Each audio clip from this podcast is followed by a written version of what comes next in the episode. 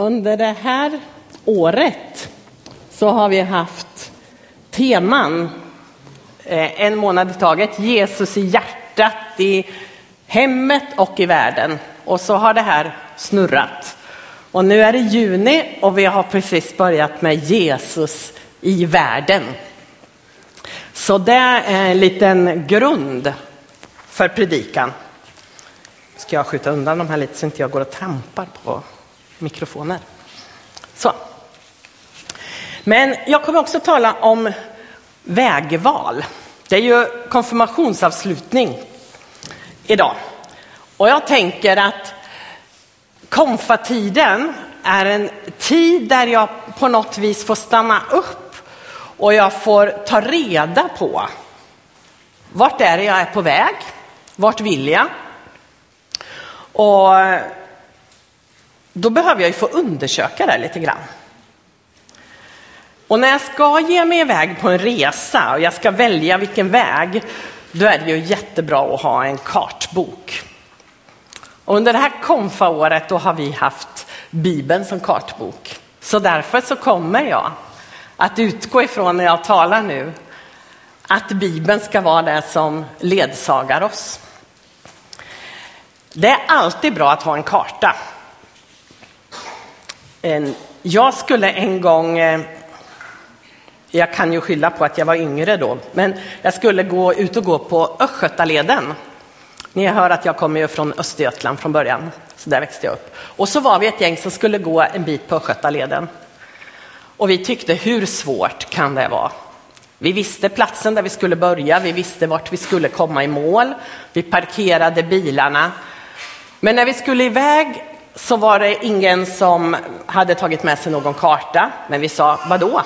Leden är markerad hela vägen. Och vi började på en plats som hette Mormorsgruvan.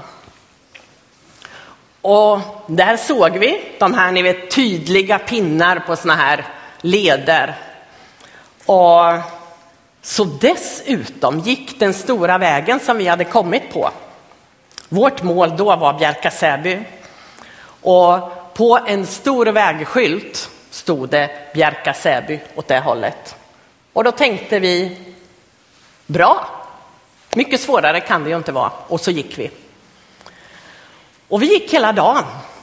En gång mötte vi några som sa att vi var på väg åt fel håll. Men det trodde inte vi på. Eh, för vad hade vi gjort för fel? Men så småningom så upptäcker vi att vi är inte i Bjärka-Säby. Vi hade börjat att fundera varför vi inte kände igen oss. Men till slut är det någon som säger, vi är vid Åtvidabergs slott. Och vi hade alltså gått åt fel håll. Där stod ingen bil parkerad utan vi fick snällt vända och gå tillbaka. Vad hade vi gjort för fel? Jo, vi hade inte tittat på kartan. För precis vid mormorsgruvan tar hela leden en S-sväng. Så vi skulle inte gått mot Bjärka-Säby när vi skulle till Bjärka-Säby. Den där har påmint mig det där många gånger. Att det är så många gånger jag tror att jag kan själv. Men att ha Bibeln som ledsagare i livet, som kartbok som jag ständigt får spegla mig mot, det är någonting som är bra. Och Jesus sa själv, i Johannes 14 och 6 så säger Jesus så här, jag är vägen, sanningen och livet. Ingen kommer till Fadern utom genom mig. Så ska jag välja väg när jag vill komma i gemenskap med Gud så heter vägen Jesus. Säger Jesus och så säger Bibeln och det pekar den på. Men jag tänker att när jag väljer väg så väljer jag också vad jag vill ha för guide. Vem är det som liksom ska leda mig? Förutom att jag har kartboken är det ju faktiskt intressant att ha med sig någon som vet lite om vägen och som kan leda mig vidare. Och jag behöver välja vem som ska försörja mig, vem som liksom ska, ska se till att det här går bra. Jag kan ju välja att jag ska till Gud och jag väljer att tro på Jesus. Och sen liksom nöjer jag mig med det. Jag har valt. Och så tänker jag att ja, men istället för att, att det är Gud som är med och leder, han som försörjer mig, det är honom jag litar på, så har jag med honom som en trevlig kompis på resan. Men det är fortfarande jag som bestämmer. Men så kan jag välja att låta Jesus få bli Herre i mitt liv. Att låta Jesus få ta den första platsen så att även de gånger jag inte riktigt fattar så, så håller jag på och grunnar och jag låter det här få vara ett rättesnöre för mitt liv som jag underordnar mig. Jag låter Jesus och Gud få bli min Herre. Jag låter dem få bli min försörjare, den som jag lutar mot hela tiden. Och då är det så att på de vägarna, jag tänkte vi kan ha kvar den andra lite, de vägarna är inte alltid så där jättebreda och stora. Ibland vill ju vi ha snabba resultat. Eh, men ofta så går det lite kurvigt. Eh, det är inte de jättesnabba vägarna som jämt är de som når målet. Utan har jag vissa mål så får jag ibland ta de lite krockiga och smala vägarna. Men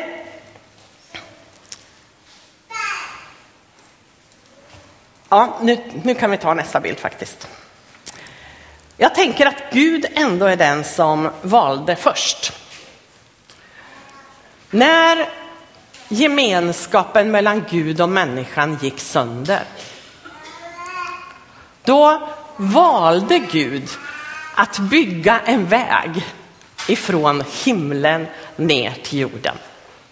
Och det gjorde han genom att han själv blev människa i Jesus Kristus och kom hit till jorden. Han valde förlåtelsens väg.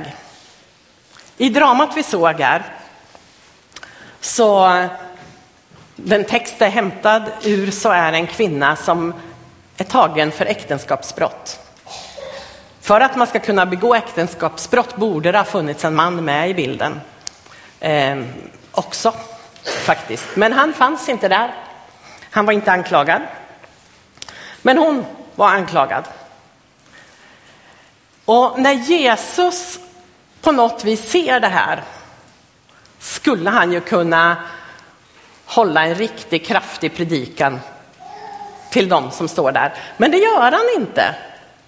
För det märkliga med, med Jesus är att han älskar både den som var anklagad nu, men han älskade också de här som kom och anklagade, hur svårt det än kan låta. Och någonstans ger han också dem chansen att faktiskt få ta ställning. Och så säger han, den som är utan skuld kan kasta första stenen. Och det här är ganska typiskt Jesus och Gud, Guds handlande till oss. För ibland så tror vi att Gud kommer för att straffa. Vad som de här hårda som säger, hallå, vad har du gjort för någonting? Men om vi läser de här kända verserna ifrån Johannes 3 och 16 så står det så här. Så älskade Gud världen att han utgav sin enfödde son för att den som tror på honom inte ska gå förlorad utan ha evigt liv. Inte sände Gud sin son till världen för att döma världen utan för att världen skulle bli frälst genom honom. Så om du har tänkt att du behöver vara rädd för Gud eller du tänker ja, det är ingenting för mig det där att tro för jag har gjort så mycket fel.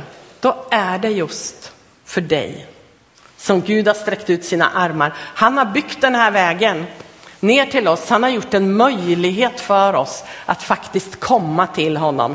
Inte för att bli dömda, utan för att bli upptagna av hans kärlek och mottagna av den.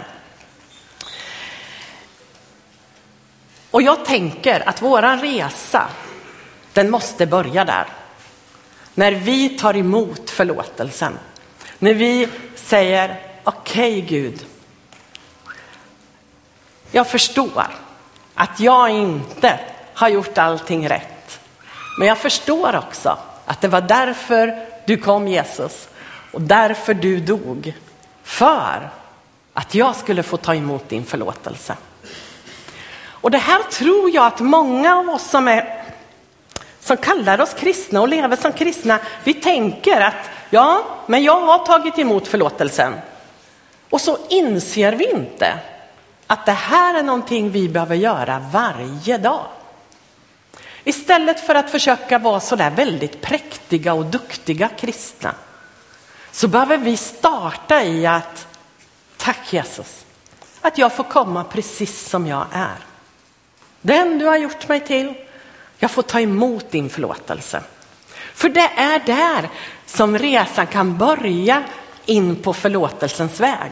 För det är först när jag tar emot eh, förlåtelsen som jag kan få ge den vidare till andra.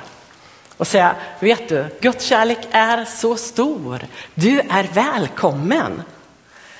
Sen kommer den här resan att göra någonting med mig så att jag inte längre har intresse av att göra de där sakerna som får både mig och andra människor att må dåligt. Att bryta mot det som Gud har satt upp. Kartboken. Jag vill bli ledd av den. Därför att jag fått tagit emot förlåtelsen. För Jesus betydde det här faktiskt att han mötte en sån som äktenskapsbryterskan. Det betydde också att han gick hem till dem som kallades syndare i samhället. Och det här drev Jesus sen vidare ända in i döden. För det var just de här sakerna när han valde förlåtelsens väg som fick andra att bli så arga på honom. Andra som hade byggt på att vara duktiga i sig själva, att kunna, att försöka själv. Men när vi tar emot den förlåtelse som Gud har gett så kan vi istället omfamna människor och vi kan få se förvandlade människor som är förvandlade av Guds kärlek. I det här dramat så försökte vi också visa just att det var inte bara de här tre syndarna som blev upprättade och förlåtna ni såg att alla så småningom kunde vara med och sjunga i den kören. Jag är förlåten. Jag kan gå fri. Till och med jag som har stått och anklagat andra. Jag kan också få förlåtelse. Det som också är väldigt spännande med Gud, och nu tar vi nästa bild, det är att han valde att samarbeta med oss människor. Han ville att precis som han valde att ge upp det han hade i himlen och komma hit till jorden och bli människa, så vill han att vi på något vis också ska vara med. Han vill att vi ska bygga påfarter och avfarter, alltså påfarter till den här förlåtelsens väg. Vi ska göra det enklare för människor att komma fram till honom. Jag och min familj, vi var på semester en gång och vi hade fått hyra ett hus av en släkting till mig och vi var så glada att vi skulle få åka dit. Men det tog lite längre tid än vad vi trodde när vi skulle hyra bilen, så det hann att bli mörkt innan vi kom fram. Och så kör vi på den här ganska stora vägen och så upptäcker vi, nej, vi har åkt för långt. Men det är inte så farligt, vi vänder.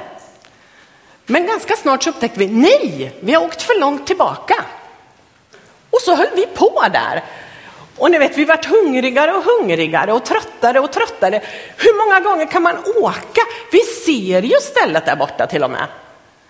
Men då var det så att avfarten den var väldigt dåligt markerad.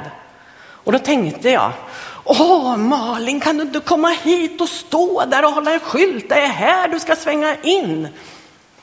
Men hon var ju inte där. Men vet du att Gud han vill att du och jag ska faktiskt vara där och stå. Här kan du svänga av. Kolla, här är vägen till himlen. Här. Vi ska göra det enkelt. Vi kanske behöver bygga en bredare avfart så att den syns. Eller påfart då på nästa väg. Men ibland i våra liv som vi lever så skyndar vi fram så mycket så vägen att svänga av måste vara tydlig. Han vill att vi ska vara med.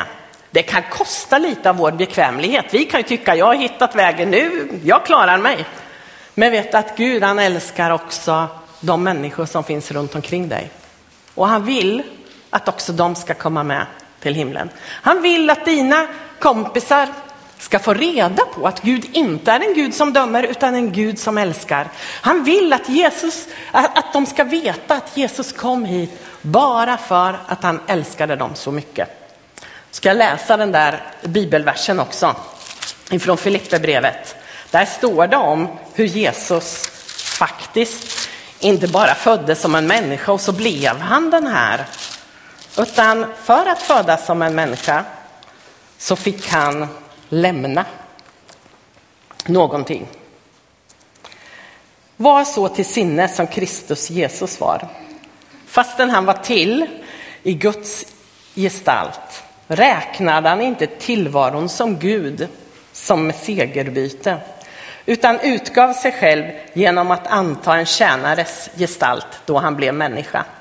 Han som till det yttre var som en människa ödmjukade sig och blev lydig ända till döden, döden på korset. Därför har också Gud upphöjt honom över allting och gett honom namnet över alla namn. För att i Jesu namn alla knän ska böja sig i himlen och på jorden och under jorden och alla tungor bekänna Gud Fadern till ära att Jesus Kristus är Herren. Och det vill Jesus att vi ska efterlikna. Vi får också bli de här som välkomnar andra in på Guds väg. Jesus säger också någonting viktigt. Vi tar nästa bild där. Han säger att jag är sanningen. Och det här skulle jag vilja rikta mig särskilt till er konfirmander. När Jesus säger att han är sanningen så tänker vi ofta att ja, han är ju liksom, han är ju det som är sanning. Men jag tror också att han uppmanar oss till att vara sanna. Så när ni nu reser på den här resan, försök aldrig att bli någonting ni inte är. Var äkta i er tro. Våga fortsätta brottas med de svåra texterna, med det som, åh, vad kan det här betyda? Alltså, det här fattar jag inte. Försök inte att bli så där präktig och, och fin. Ni är jättefina så ni behöver inte ens försöka. Men, men alltså, var äkta i det ni är. Var sanna, både mot er själva och mot andra. För sanningen befriar oss. Sanningen gör att vi inte trasslar in oss i massor olika situationer. Sanningens väg är inte alltid den lättaste vägen, men den är alltid den rätta vägen. Det är ju inte så att jag måste, för att vara sann, säga allt jag tänker och tycker till alla och så. Men att jag ska vara sann mot mig själv. Att jag ska vara, inte försöka vara därför att jag tycker att den andra är så bra så försöker jag vara likadan. Försök att vara dig själv. Gud har skapat dig till sin avbild. Och för att du ska kunna vara hans avbild så ska du vara dig själv. Det är nämligen ingen annan som visar den bilden av Gud som du visar. Och därför behövs du i Guds stora verk. Precis som den du är. Och så lägger Gud ner gåvor i ditt liv som du får använda. Han kommer att slipa och jobba med dig så att du får växa till. Men bli ingen annan. Och jag säger det till oss alla. Försök inte leva upp till någonting som du tror gör dig till en liksom bättre kristen eller något. Var dig själv och ta emot. Jesus har redan gjort allting färdigt för oss. Och så får vi ta emot det och så får vi ge det vidare. Ni kommer att få några paket här snart. Och jag tänkte faktiskt avslöja lite vad som finns i. Den ena av böckerna som finns där är en liten annorlunda version. Hjälp mig nu Sara så jag säger rätt, för jag säger jämt fel. The message. The message. Den kommer ni få. Lite enklare att läsa Bibeln genom den. Våga, våga ge er på läs tillsammans eller lyssna på varandra. Och, ja. Ni kommer också få en bok som heter bara ljuset kan besegra mörkret. Och jag tror att det här också handlar om ljuset ifrån Gud som vill komma och besegra det onda. Gud är alltid det starkare, ljuset är alltid starkare. Men det handlar också om att vara den man är. Att när jag lever som den jag är, äkta, så lyser Gud igenom mig. Och till slut skulle jag vilja säga att vi är mitt i ett vägbygge. Vi är med och bygger på Guds väg. Vi gör Guds väg tillgänglig för människor ut i hela världen. Inte för att vi ska prestera så att vi ska räkna in eller ha massor krav, utan genom det liv vi lever när vi lever på förlåtelsens väg så får vi vara med och ge det vidare så att alla människor kan hitta in på den väg som Gud har banat från himlen till jorden. Bygget ska inte sluta. Det finns fortfarande många människor som behöver få uppleva Jesus i sina liv. Det här, liv, det här året har ni gett lite mer tid till att studera. Men jag skulle vilja säga fortsätt. Och för dig nu då som inte har möjlighet att gå konfan därför att du kanske har gått förbi den åldern så finns det möjligheter. Eh, I höst kommer vi ha alfa både i Missionskyrkan och i, i Pingkyrkan. Det kommer vi få höra lite mer om sen. Eh, ta fram Bibeln och våga låta den få leda dig. Och våga tro att den väg du har hittat också lockar andra människor också är någonting bra för andra människor. När man får höra att vi är kallade in på förlåtelsens väg, på kärlekens väg. Vi ber tillsammans. Tack Jesus för att du har öppnat en väg för oss in i gemenskapen med dig. Tack för att du förlät det som hade gått snett i hela mänskligheten. Du ville upprätta, du ville hela. Tack för att du inte kom hit för att tala om allt fel vi hade gjort, utan du kom hit för att berätta om Guds kärlek till oss människor. Hjälp oss att göra det möjligt för människor att hitta vägen in till dig. Tack Jesus för att du är stor och mäktig och du är här just idag. Amen. Om ett litet tag så ska vi be för konfirmanderna. Men innan dess så ska vi sjunga något tillsammans. Det finns förebedjare på den här första bänken här borta. Om du sitter någonstans och känner att hjälp, jag behöver någon som ber för mig i min situation nu. Då ska du direkt gå dit nu, för nu ska vi sjunga lite tillsammans. Det kan vara precis vad som helst. Det kan vara att du vill ta emot Jesus. Du vill faktiskt ta emot den kärlek som Gud har gett till oss. Då kan man få komma dit och de kommer be tillsammans med dig där.